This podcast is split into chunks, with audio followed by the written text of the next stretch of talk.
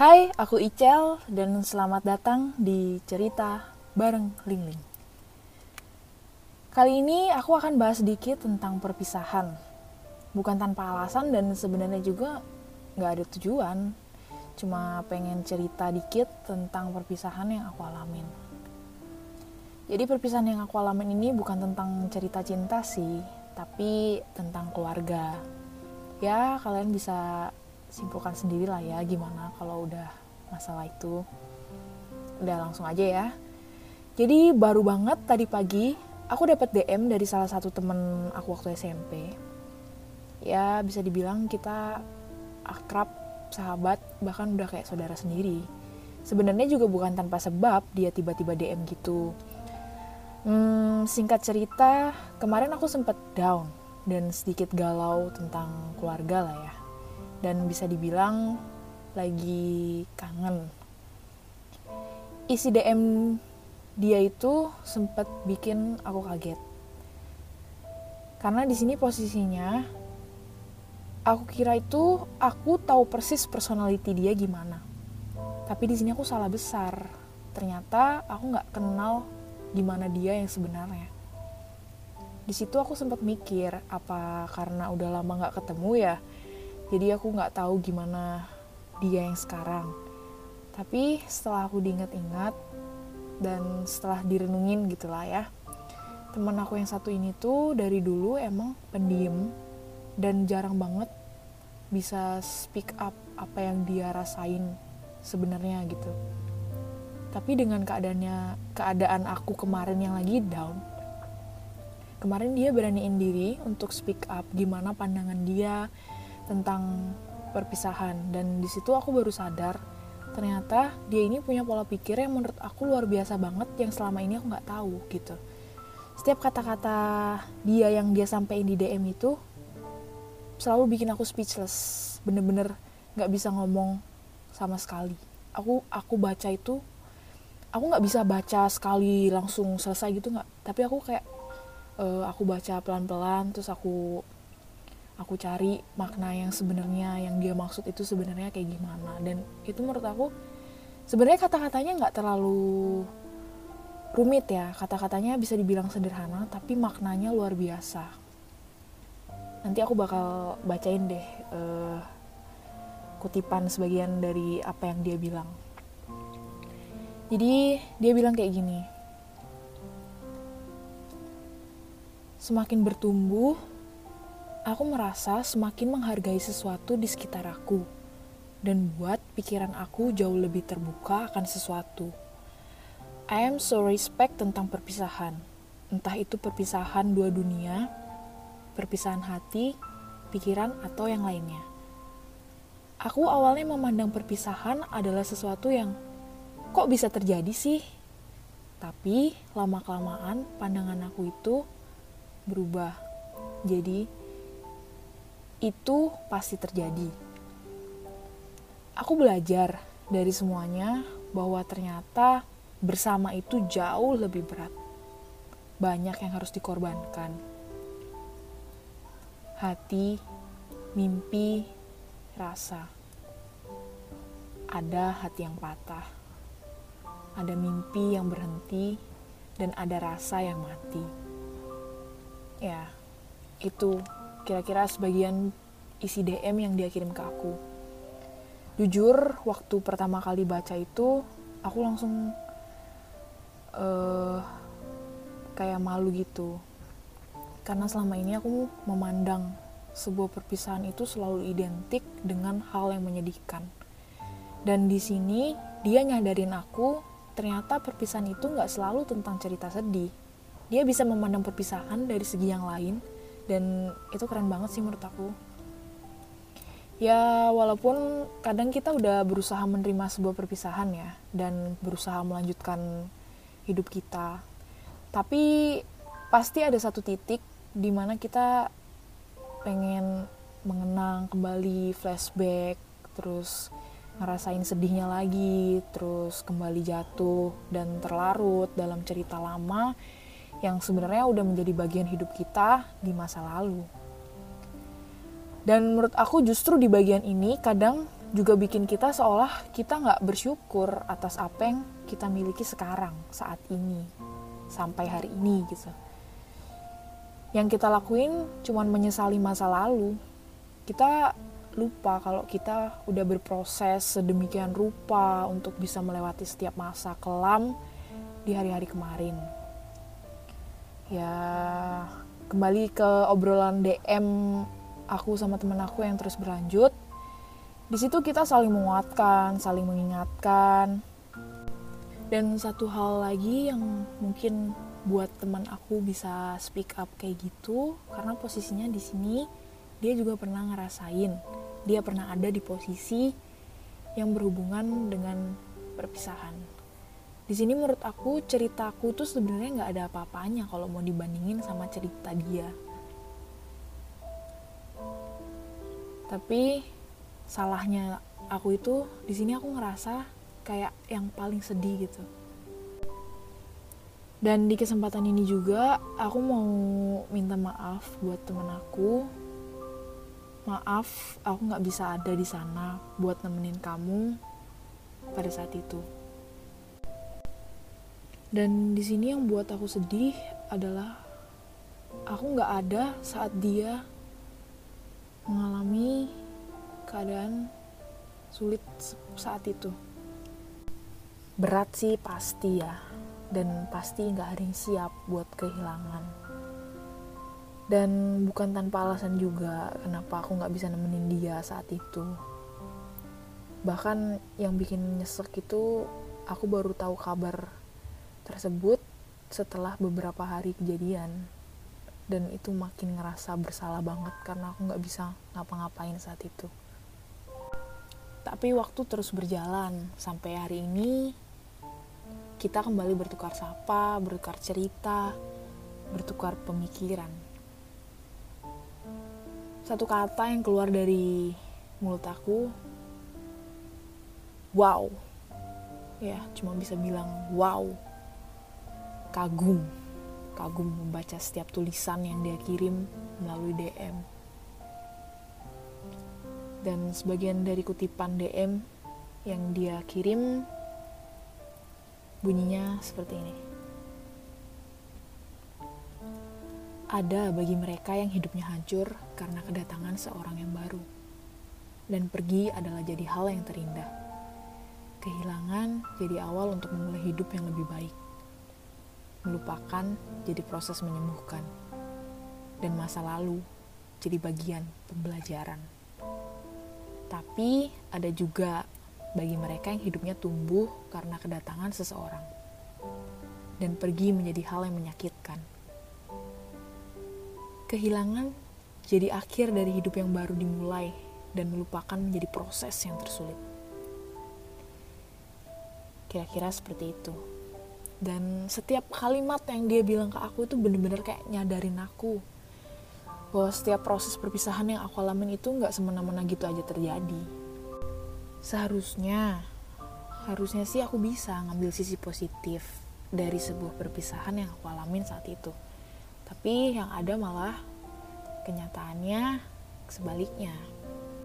Dan setelah mendengar pemikiran dari temen aku itu, aku langsung kayak sadar langsung, oh iya ternyata kita nggak boleh mandang perpisahan itu sebagai hal yang menyedihkan kita harus bisa mengambil sisi positif dari setiap perpisahan yang kita alamin.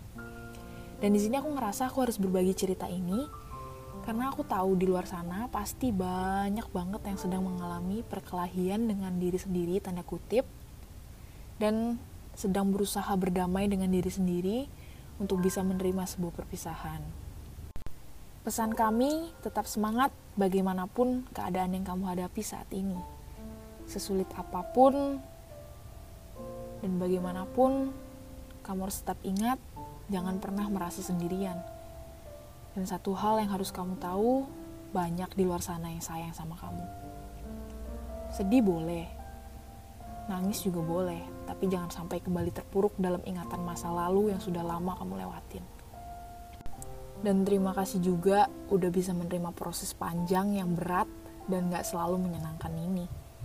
Semoga kamu bisa melewati fase ini dan cobalah belajar untuk buka hati menerima orang-orang baru di sekitar Karena waktu tidak akan pernah berhenti.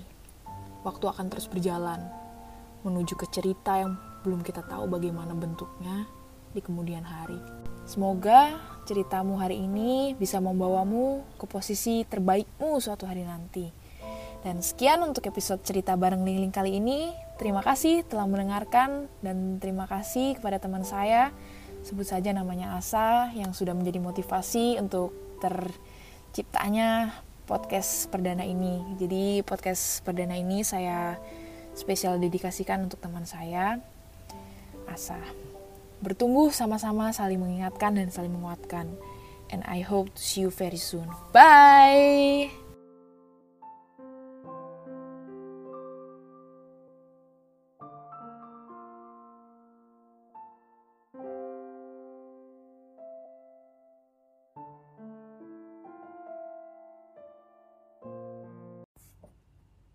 Hai, aku Icel dan selamat datang di Cerita Bareng Lingling.